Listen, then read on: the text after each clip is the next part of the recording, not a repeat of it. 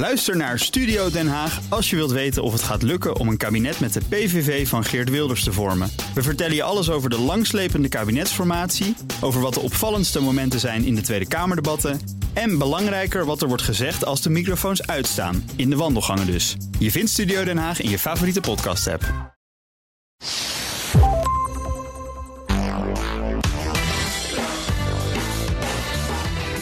Welkom bij de Ben Tichelaar podcast bij BNR, de podcast over persoonlijk leiderschap. Met elke week tips en inzichten van zeer inspirerende gasten die je helpen om je verder te ontwikkelen in je werk en de rest van je leven. Mijn naam is Ben Tichelaar en mijn gast in deze aflevering is organisatiepsycholoog Aukje Nauta. Aukje, welkom. Leuk dat je er bent. Dankjewel. Ja, heel leuk dat je mijn gast wilt zijn. Ik, uh, ik begin altijd met een paar dingen uit de loopbaan zeg maar, van, van, van mijn gasten. Uh, dat is nogal wat bij jou, dus ik, daar moeten we even de tijd voor nemen. Uh, organisatiepsycholoog heb ik hier staan. Schrijver van managementboeken. Ik noem Anders Werken en Tango op de werkvloer. Je bent ook specialist op het gebied van duurzame, duurzame inzetbaarheid en sociale innovatie. En ook nog partner in het adviesbureau Factor 5. Klopt. Ja, dat klopt allemaal. Maar dan, dan zijn we er nog lang niet van. Je bent ook hoogleraar Enhancing Individuals in a Dynamic Work Context. Dat is wel een, dat is wel een bijzondere titel voor een uh, hoogleraarschap. Ja, dat klopt. Ja. een beetje lang. Hè? Mijn vorige uh, leerstoel heette Employability in werkrelaties. Dat was wat korter. Ja. Uh, maar het moest ook echt goed passen in de omgeving waarin ik zit. En dat is sociale, economische en organisatiepsychologie aan de Universiteit Leiden. Ja. En daar is men heel erg bezig met nou, de psychologie van economisch gedrag. maar ook van goh, hoe blijft het individu overeind? Er wordt bijvoorbeeld Precies. heel veel onderzoek gedaan naar hoe plannen mensen financieel ook hun, hun hier en nu en toekomst. Um, en ja, dan gaat het toch om van hoe maak je mensen veerkrachtig en sterk. Uh, en vandaar uh, de naam van die leerstoel. Ja, enhancing individuals in a dynamic work context. Eigenlijk is dat een soort ingewikkelde manier om te zeggen hoe overleef ik mijn werk. Ja, dat zou je kunnen zeggen. Maar die context is toch ook ontzettend belangrijk. Okay, ja. En die is weer belangrijk omdat mijn leerstoel uh, ja, mogelijk gemaakt wordt door CIO. Ja. En dat is een instituut wat heel, veel, heel veel doet op het gebied van management en veranderkunde. En zij bestuderen vooral ook de organisatie. Hoe richt je een organisatie zodanig in ja, dat de mens kan overleven? Dus ik vind die interactie tussen mens en omgeving altijd heel interessant. Nou, dan heb ik nog een paar dingen. Je werkte onder meer ook aan de Universiteit van Amsterdam, bij TNO, bij Randstad. Je was kroonlid van de SER, dat is ook nog wel een eervolle functie. En je werkt daarnaast, zie ik hier staan, daar kom ik later nog even bij je op terug, aan een theatercollege met als titel Schaamteloos leven en werken. Schaamteloos leven en werken. Nou, dat is, dat is wel veel. Hè? Uh, ik vraag wel eens aan sommige gasten die hier uh, voorbij komen van slaap je nog wel eens? Maar jij bent ook wel een kandidaat voor, voor heel hard werken en weinig slapen, denk ik. Valt mee hoor. Ik hou erg van slapen. Dus ik probeer echt 7 à 8 uur uh, per dag uh, te slapen. En sindsdien heb ik yoga ontdekt. En dat houdt me ook ontzettend fit. Oké, okay, dus ja, maar je moet wel fit zijn om zo ja. al die dingen te kunnen combineren. Zeg, de eerste vraag. Uh, de vraag die ik aan veel gasten stel.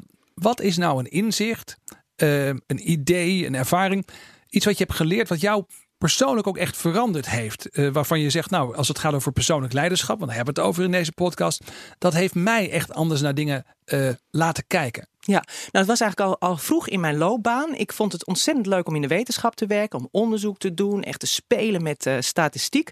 Alleen op een gegeven moment kwam ik erachter dat uh, wetenschappelijke artikelen gemiddeld door vijf mensen worden gelezen. Gemiddeld door vijf mensen? Ja. Dat is nog steeds het geval? Ja, ik weet niet of het nog steeds zo is. Uh, maar ja, gemiddeld genomen, ja, je kan je voorstellen dat sommige artikelen waanzinnig veel gelezen en geciteerd ja. worden.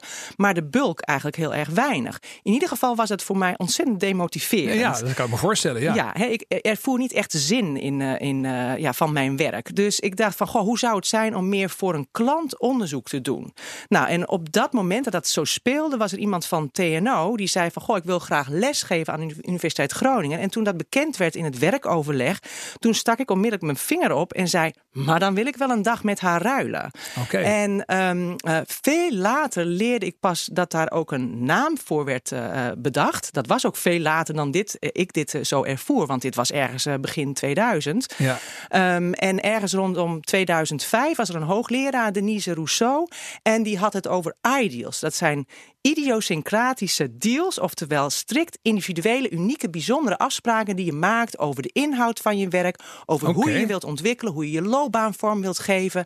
En eigenlijk heb ik toen al mijn eerste ideal gesloten, omdat ja, door een commie te maken van vier dagen wetenschap, één dag praktijkonderzoek, um, ja, kon ik zelf exploreren van hoe is het om te werk meer commercieel onderzoek te doen. Het was ook een win voor de faculteit bedrijfskunde. Omdat die, daardoor kon, werd mijn onderwijs beter, omdat ik meer praktijkvoorbeelden kon geven. En het was ook uit te leggen aan collega's, omdat ik hen geen schade deed.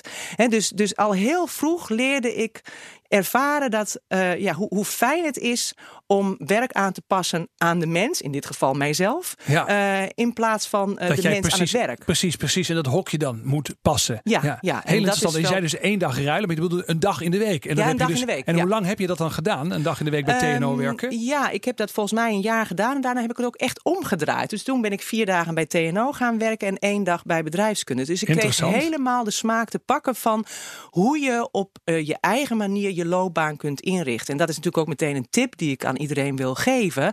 He, ga niet uit van de verwachtingen die anderen je opleggen over hoe een goede loopbaan eruit ziet. Maar ga uit van wat je zelf wil en kan en belangrijk vindt en wel, wil exploreren. Ja. En ga dan in gesprek met mensen om dat ook echt mogelijk te maken. En zou je dat dan, gaan we direct even doorpakken om het praktisch te maken. Zou je dat dan direct bij de onderhandeling doen als je naar een nieuwe baan gaat? Of zeg je nou dat kan je ook vormgeven onderweg? Zoals jij zelf hebt gedaan in dit nou, geval daar is in, in de wetenschap eigenlijk ook wel onderzoek naar gedaan. Het ene heet uh, ex post en het andere ex ante ideals. Ik hou graag ja. uh, in de wetenschap houden van dure termen. Ja, ex post dus is na afloop, hè? Ja, ja, en ex ante is ervoor. ervoor. Uh, dus je kunt een ideal sluiten wanneer je in dienst komt, of een ideal wanneer je al lang in dienst bent. En uit onderzoek blijkt dat die, die ideals die je van tevoren sluit, die zijn vaak gebaseerd op marktwaarde. Dus die zijn ook heel transactioneel economisch. Hè? Dus dan gaat Precies. het om een extra lease auto of wat dan ook.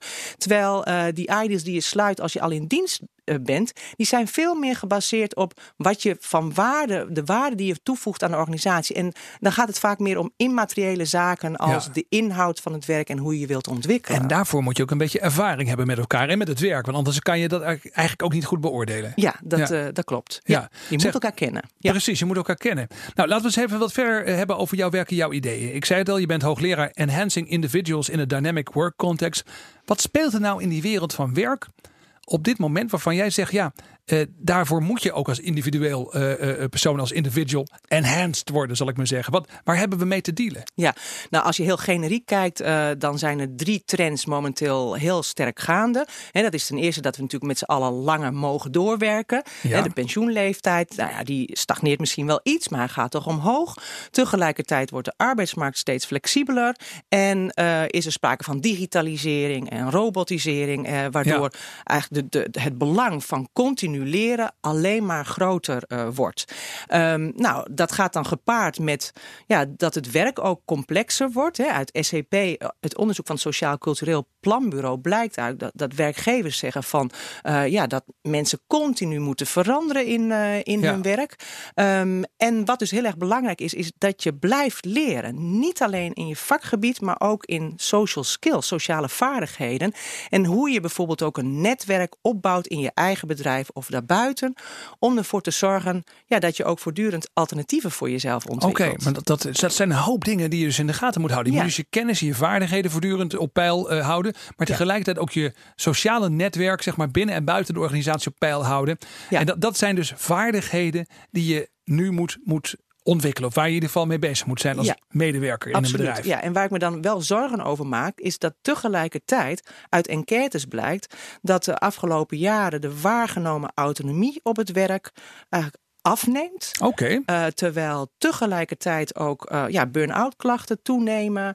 Uh, hè, dus mensen ervaren heel veel werkdruk. dus ik, ik zie wel een soort van ja, squeeze. En mensen, mensen zitten ja. echt in, in de stress tussen wat de werkcontext van hun vraagt en wat zij zelf kunnen en willen leveren. Dus het is wel extra nodig om mensen ook echt te versterken in die dynamische ja, werkcontext. Nou, laten we daar eens naartoe gaan. Want wat, hoe versterk je dan mensen? Nou, dan ben ik leidinggevend in een bedrijf. Ik hoor jouw verhaal en ik denk bij mezelf, ja, daar zit iets in. Wij vragen veel van onze mensen. We willen ondertussen dat ze uh, lang inzetbaar blijven. Dat ze zichzelf telkens blijven updaten. Uh, zichzelf opnieuw blijven uitvinden. Er zijn allerlei mooie woorden voor. Maar wat kan ik nou doen als leidinggevende bijvoorbeeld? Of als medewerker zelf? Om dat ook echt handen en voeten te geven? Nou, dat begint ermee dat je je mensen echt ziet staan.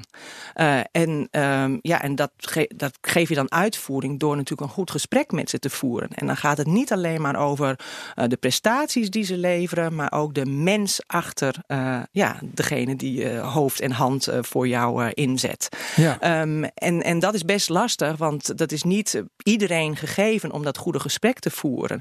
Maar toch, ik vind dat leiders in een organisatie, hè, die echt leiding geven aan medewerkers die het werk uiteindelijk moeten uitvoeren, dat die waanzinnig goed moeten zijn in uh, luisteren, samenvatten, doorvragen en eens ja. even een gevoelsreflectie geven over van goh, ik zie dat je niet helemaal lekker in je vel zit. Maar nou even, mevrouw Nauta, Aukje, als ik mag. Uh, dit is iets dat wordt al vanaf de, vlak na de Tweede Wereldoorlog, de Ohio Studies, uh, ja. de Michigan Studies, hè, dat zijn de klassieke studies op het gebied van hoe ga je als baas met je mensen om. Wordt dit al gezegd? Ja, het wordt wel gezegd, maar het wordt niet gedaan. Nee. Op mijn LinkedIn-profiel uh, heb ik ook een stukje over Chris Argyris, hè, die is uit de ja. jaren tachtig. Die, die schreef voor het eerst over psychologisch contract. Hij noemde het een psychologisch werkcontract, ja. waarin hij ook zei zo van, goh, als je mensen iets meer de ruimte geeft om zelf invulling te geven aan hoe ze, wanneer ze pauze willen nemen, ja, dan doen ze uiteindelijk veel meer hun best. Ja. Hè, dus ik verkondig niks nieuws, maar wat ik zo deprimerend vind, is dat het nog altijd nodig is, omdat we dat niet uit onszelf doen. Ja,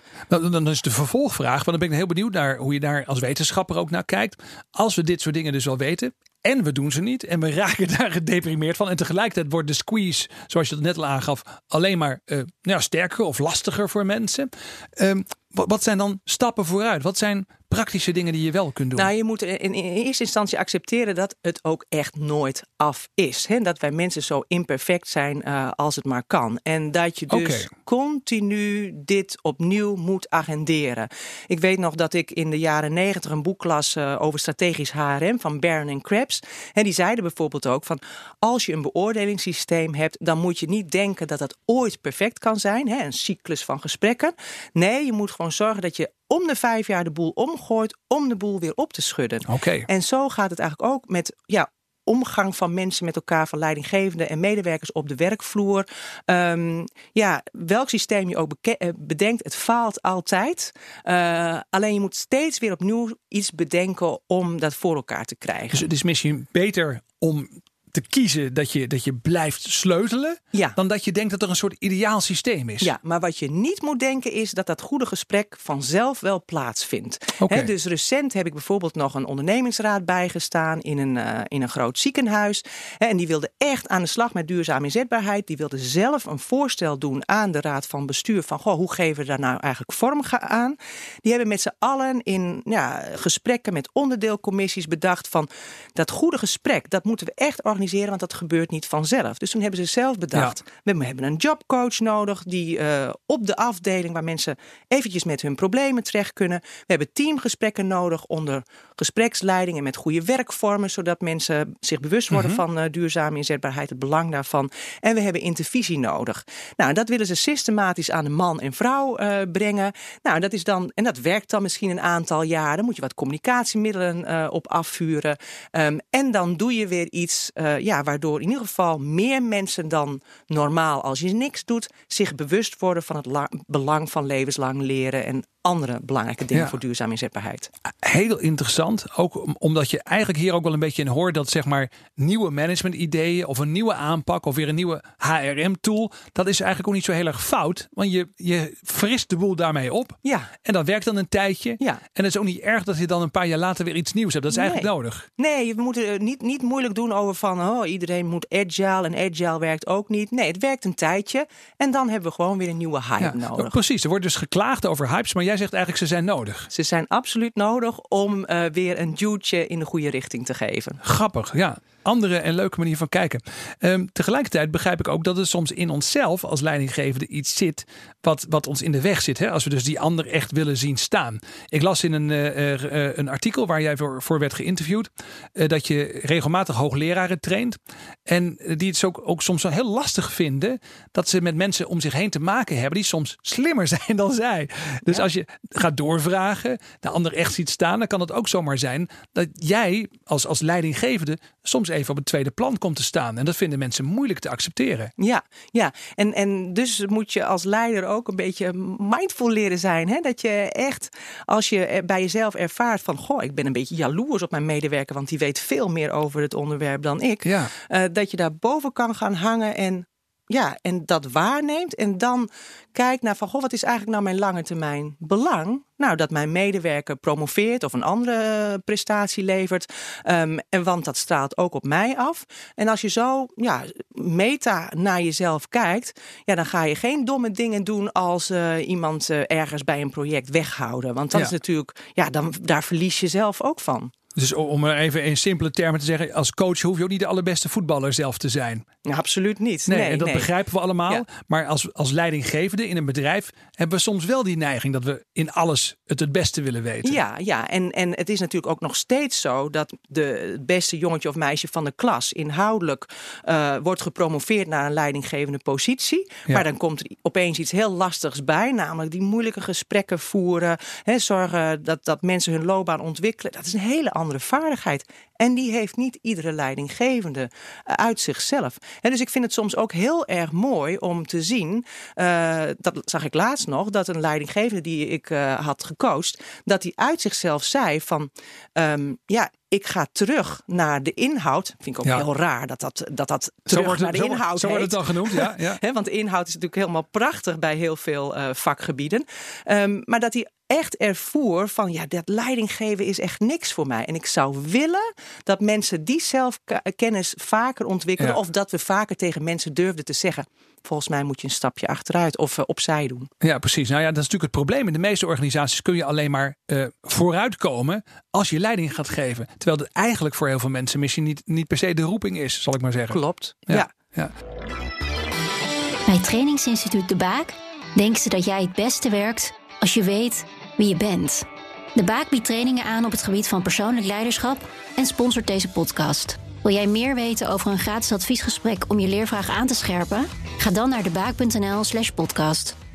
Zeg, um, wat is nou een mythe in jouw vakgebied? Als je nou kijkt naar dingen als duurzame inzetbaarheid. of dat je als, als medewerker inderdaad jezelf voortdurend moet blijven updaten. nieuwe vaardigheden moet ontwikkelen. Nou, dat, dat begrijpen we. Er zijn natuurlijk allerlei ideeën. Er uh, wordt veel over geschreven. Wat is nou iets wat gewoon echt niet waar is? Waarvan jij zegt, pas daarvoor op. Dat is echt een, een vals idee of een, een mythe. Ja, um, nou wat ik heel vaak hoor is uh, dat, dat, mensen zelf verantwoordelijk zijn voor hun loopbaan. Hè? Dus dat ze zichzelf moeten sturen. Ja. Uh, maar het is een mythe om te denken dat dat kan. Uh, Oké, okay, dat is een heel interessant. Want dit hoor je inderdaad heel erg vaak. En bijna alle grote bedrijven willen dat. Hè? Dat, ja. dat mensen zelf het heft in de handen nemen en de verantwoordelijkheid nemen voor een ontwikkeling, ja. voor een loopbaan. Maar dat is natuurlijk het afschuiven van verantwoordelijkheid. Maar niemand kan in zijn eentje inzetbaar zijn. Je hebt altijd een werkgever nodig of ja. een opdrachtgever. Wij zijn met elkaar zo afhankelijk als wat van elkaar. En die afhankelijkheid die moet je dus ook omarmen hè, als werknemer. Hè, omdat je die werkgever nodig hebt en dus het gesprek moet aangaan over welke mogelijkheden kan jij mij bieden. Maar ook als werkgever ja. moet je omarmen dat de manier waarop jij het werk aanbiedt al invloed heeft op hoe iemand zich kan ontwikkelen. Kun je daar een voorbeeld bij geven? Ja, daar kan ik wel een voorbeeld uh, uh, bij geven. Um, nou ja, er zijn, er zijn ja, heel veel uh, omgevingen, ICT of callcenters, um, ja, waar het werk heel strak wordt ingericht. Soms zo ja. strak uh, is, is de bezetting ook zo strak dat mensen eigenlijk uh, nou ja, niet eens tijd hebben om naar de wc te gaan. Ja. En dat ze echt een, bij wijze van spreken, een plasketting hebben om te zorgen dat er maar één te, tegelijk naar de wc gaat. Dat is natuurlijk enorm beperkend voor autonomie. Ja. Dus um, dus dat, dat inzicht, he, die, dat die werkcontext zo bepalend is en de, dat de relatie zo, zo bepalend is, maakt al duidelijk ja, dat je daardoor bijvoorbeeld soms iets als uh, aangeleerde hulpeloosheid kunt creëren. Als mensen totaal geen autonomie hebben, ja, dan, dan, dan worden ze ook steeds hulpelozer. Dat ze steeds minder ook zelf een initiatief nemen. Ja, wat we eigenlijk tegelijkertijd wel weer van die mensen willen zien. Precies. Hè? Dus, dus op het moment. En hoe kun je dan van mensen verwachten dat ze opeens, als het om loopbaanontwikkeling gaat, dat ze dan ineens het heft in eigen handen nemen? Hè, dus je moet continu nadenken van goh, welke invloed heeft de manier waarop ik het werk, werk vormgeef, of de manier waarop ik leiding geef, uh, op het gedrag en houding en ambities en aspiraties van de medewerker. Als je nooit aan mensen vraagt wat ze uh, ergens van vinden en op een gegeven moment heb je opeens uh, behoefte aan creatieve ideeën en stel dan de vraag, ga je ook geen antwoorden krijgen. Klopt, bijvoorbeeld. Ja, ja, ja. dus je moet continu, als je creativiteit wil, dan moet je ook steeds nadenken over van goh, hoe schep ik een context waarin die creativiteit ook tot, tot stand komt. Heel interessant. Jij doet allerlei verschillende dingen. Maar in het begin noemde ik al eventjes dat je ook bezig bent met een theatercollege. Dat, heet, uh, dat college heet Schaamteloos leven en werken. Je bent met try-outs bezig, las ik. Maar je moet die titel even uitleggen. Schaamteloos leven en werken. Hoezo? Ja, hij, hij schuurt een beetje natuurlijk. Hè? Uh, en het, ik wil ook niet opperen dat het een goed idee is dat we altijd maar hartstikke schaamteloos uh, zijn. Ik las gisteren nog een mooie zin in het prachtige nieuwe boek van Robert van um, Rutger Bregman. Ja. Hè, zo van eh, als iedereen schaamteloos zou zijn, nou, dat zou de hel zijn. Hè? Dus uh, meteen een soort van disclaimer. Hè? Je hebt verschillende vormen van... Een beetje van beschaving mag ook, ja. Ja, ja hè? Maar goed, Schaamte beschaafd. Ja, precies. Ja, schaamte verbiedt wat de wet niet verbiedt. Dus we hebben schaamte tot op zekere hoogte nodig. Maar schaamte hangt ook huis en hoog samen met depressie. mensen die zich continu schamen. Uh, er is een correlatie van punt 43, dat is echt heel hoog in de sociale wetenschap, uh, met uh, depressieve gevoelens. Ja, correlaties kunnen verschillen. Wacht even, van min 1, dat is hele 100% negatieve correlatie, tot plus 1. Hè? En dan zeg jij punt 43. Dus dat betekent dus dat mensen met veel schaamtegevoelens lopen een hoog risico op depressieverschijnselen. Ja, hè, omdat ze zich verbergen, ze, ze, ja, ze trekken zich terug. En is het een causale relatie? Dus meer schamen leidt tot meer depressie? Of, of kan het ook andersom liggen? Dat het, ja, ik weet niet wat, wat nu veroorzaakt. Oké, maar, maar, goed, schaamte is niet, niet altijd positief. Nee, hè, je kunt je beter schuldig voelen dan je schamen. Want uh, er is ook wel een verband tussen schuld en depressie, maar die is veel lager. En schuld leidt er vaak ook toe uh, dat je niet zozeer jezelf afkeurt, maar je eigen gedrag. Okay. Hè, waardoor je datgene wat je niet goed hebt gedaan, of, of uh, wat niet ethisch of is, of waar je je voor schaamt, ook echt kunt omzetten in, in productief gedrag. Oh, maar dat is interessant. De schaamte gaat over mij. Ik, ik, ben, ik hoor er eigenlijk niet te zijn. En schuld gaat meer over mij. Dit gedrag van mij hoort ja, er eigenlijk niet te zijn. En daar kan ik dan iets aan veranderen als ik dat wil. Ja, hè, dus ik, ik, ik uh, wens mensen heel erg toe dat hè, achter schaamte zit misschien ook altijd wel iets wat je heel graag wil. Uh, iets wat je wilt transformeren tot iets wat je, ja, wat je graag wil. He, zo is in mijn geval. Ik vind lezingen geven ontzettend leuk. Maar ik dacht altijd dat je een halve cabaretière moest zijn om goede lezingen te, te kunnen geven. He, uh, dus ja, wist ik niet of, of ik wel goed genoeg was, terwijl ik toch dat verlangen had. En ik kon soms ook wel ja, me schamen als een optreden of een lezing niet goed was. Uh, ja, ja, en betrok je dan echt ook op jezelf dan? Ja, Heel, ja, ja zeker, zeker. Maar er zat wel een soort van verlangen onder.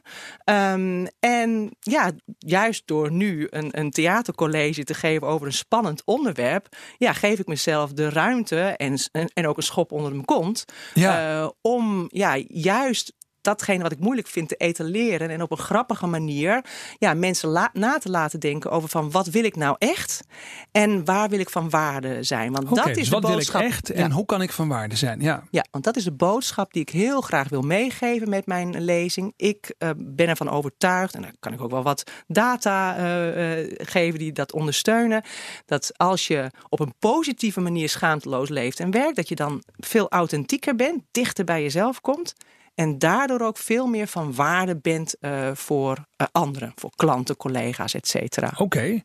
Ik zag ook in een stukje over dat theatercollege, zag ik dat je ook schaamteloze onthullingen gaat doen. Ja. En nu we hier toch, toch zijn, dacht ik van nou, dan ben ik ook wel even benieuwd. Want dat is nou, je noemde net het lezingen geven, maar dat vind ik nog niet zo heel schaamteloos hoor. Wat is nou iets waarvan je zegt, nou dat is nou echt iets, naast het wetenschappelijke onderzoek, is dat ook een, een persoonlijk verhaal wat mensen kan helpen? Ja, um, nou ja, die ga ik hier natuurlijk niet onthullen. Nee, oké, okay, maar wel in het theater. Nog een beetje reserveren voor het theater. Een tipje van de sluier. Een tipje voor de sluier, van de sluier is eh, dat ik het wel wil hebben over, over mijn persoonlijke leven en hoe ik vormgeef aan uh, relaties, want dat doe ik niet altijd even handig. Okay. dus dan, dan ga ik het ook hebben over singleschaamte. Singleschaamte. Oké, oh, dat is heel interessant. Nou, we kijken daar in ieder geval naar uit. Ehm, we gaan eventjes weer een, eh, een stapje terug. Um, ik heb namelijk ook vragen. Uh, dat zijn verrassende vragen. 15 verrassende vragen.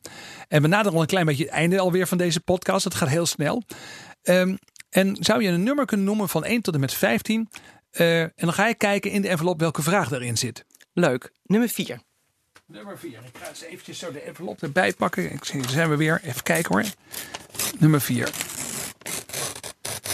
Ja, uh, dat is wel een mooie vraag. Wat is je allerslechtste eigenschap? Um, jeetje.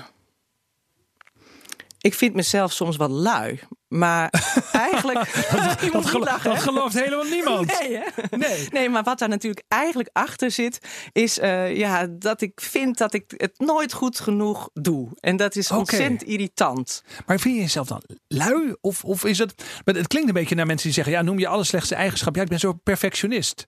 Ja, ja, maar ik, ik, ik, ja, dat vind, die vind ik zo flauw, een perfectionist. Want ik ben niet in alles een perfectionist. Nee. als ik kijk naar mijn kledingkast, dan is, daar zit daar alles niet netjes opgevouwen in, bijvoorbeeld. Oké. Dus, uh, maar, maar, op, bepaalde... op werkgebied, vind, je, vind je jezelf dan dus Terwijl ik net, ik heb jouw cv opgenomen. Wat je allemaal hebt gedaan. Mensen worden bijna al moe als ze er naar luisteren. Denken ze, die aukje nou, dat, dat red ik dus nooit om zoveel in mijn leven te doen. En jij zegt, ik vind mezelf een beetje lui soms. Ja, ja, hè, maar ja, ja, ja, ja. Oké, maar misschien is dat dan ook wel hetgene wat ervoor zorgt dat je dan zo hard werkt, of niet? Ja, dat, dat is, eh, ja ik denk het wel. Hè. Dus het is natuurlijk een perceptie. We hebben altijd alleen maar last van de gedachten in ons hoofd. Dat is nooit de werkelijkheid.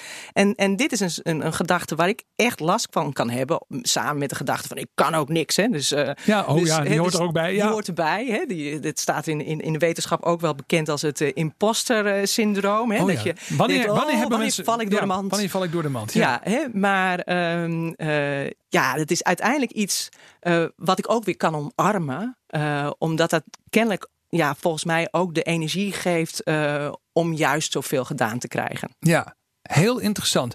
Even misschien, ik weet helemaal niet of ik dat mag vragen. Maar jij hebt ervoor doorgeleerd, dus je moet het me maar vertellen. Komt dat nou meer voor, voor bij vrouwen? Of komt dat net zoveel voor ook bij mannen? Dat is imposter syndroom, dat je dus zo kritisch, zo kritisch naar jezelf kijkt. Ik kom best wel veel mannen tegen. En dan pak ik hem even van de andere kant beet. Die naar mijn idee, die volgens mij dan een beetje lui zijn. Maar dat van zichzelf helemaal niet zien. En daar ook helemaal geen moeite mee hebben. Nou, misschien dat vrouwen wel wat makkelijker open over praten. Maar um, uh, ik las laatst nog een, een artikel terug van Ellen de Bruin in het NRC, die een heel mooi overzicht heeft gegeven. Wetenschapsjournalist, van ja, psycholoog. Ja. Uh, mooi overzicht gaf van, uh, van het imposter syndroom ook. Uh, het onderzoek daarna. Maar heel veel van die onderzoeken zijn alleen maar bij vrouwen gedaan. Okay. Dus dan kan je helemaal geen genderverschillen, seksenverschillen ontdekken. Ja. En mijn ervaring is eigenlijk ook in de coaching van leiders die ik af en toe doe, dat ook bij mannen het heel vaak voorkomt dat ze tegen me zeggen eigenlijk ben ik heel onzeker. Ja. Uh, alleen mannen geven wat minder snel dit toe. En dat doen ze eigenlijk alleen als ze in een ja, privé setting hebben. Je bent met z'n tweeën. Maar in een groep zullen mannen dat uh, misschien wat minder snel toegeven dan vrouwen. En al helemaal niet op de radio of in een podcast. Nee, dat zullen ze niet doen. Maar jij doet dat wel. En daar ben ik heel dankbaar voor dat je zo open en eerlijk bent geweest tot nu toe. Uh, ik heb één allerlaatste vraag. een mediatip. Iets waarvan je zegt, ja jongens, als je dit nou interessant vindt, dit soort onderwerpen. Lees dit dan eens. Of kijk die uh, TED Talk eens of uh, kijk die film. Ja, nou dan zou ik aanraden iedereen om het boek van Adam Grant te lezen, Give and Take. want wat ik nog onvoldoende heb gezegd, ik zei al wel, duurzame inzetbaarheid komt tot stand in een relatie. Ja. Ehm, en in een relatie mag je best onbaatzuchtig goed zijn voor de ander. Okay. Um, en mensen die dat doen, wel op een beetje een uitgekiende manier. Want als je goed bent voor de hele wereld, dan raak je burnt out. Maar als je een soort van intuïtie ontwikkelt voor, ja, voor wie je wat leuks en wat extra's doet, ja, ja. dan komt op den duur heel veel weer bij jezelf terug. Okay. Bijvoorbeeld op het gebied van het opbouwen van een sociaal kapitaal. Dat wil zeggen een kapitaal, een netwerk van mensen. He, als, als je dat goed opbouwt door heel veel mensen te helpen ja, dan heb je een reservoir aan hulp waar je later ook weer een beroep op kunt ja, doen. Ja, en, en, en daaraan werken, ook doelgericht aan werken, daar is niks mis mee, zeg je?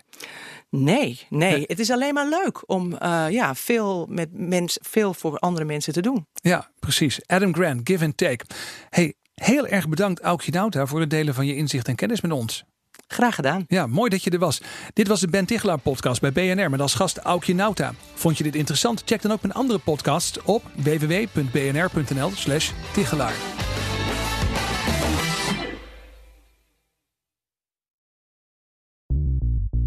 Bij BNR ben je altijd als eerste op de hoogte van het laatste nieuws. Luister dagelijks live via internet. Bas van Werven. En heel langzaam komt de zon op rond dit tijdstip. Je krijgt inzicht in de dag die komt op BNR, het Binnenhof in Nederland en de rest van de wereld. De Ochtendspits. Voor de beste start van je werkdag. Blijf scherp en mis niets.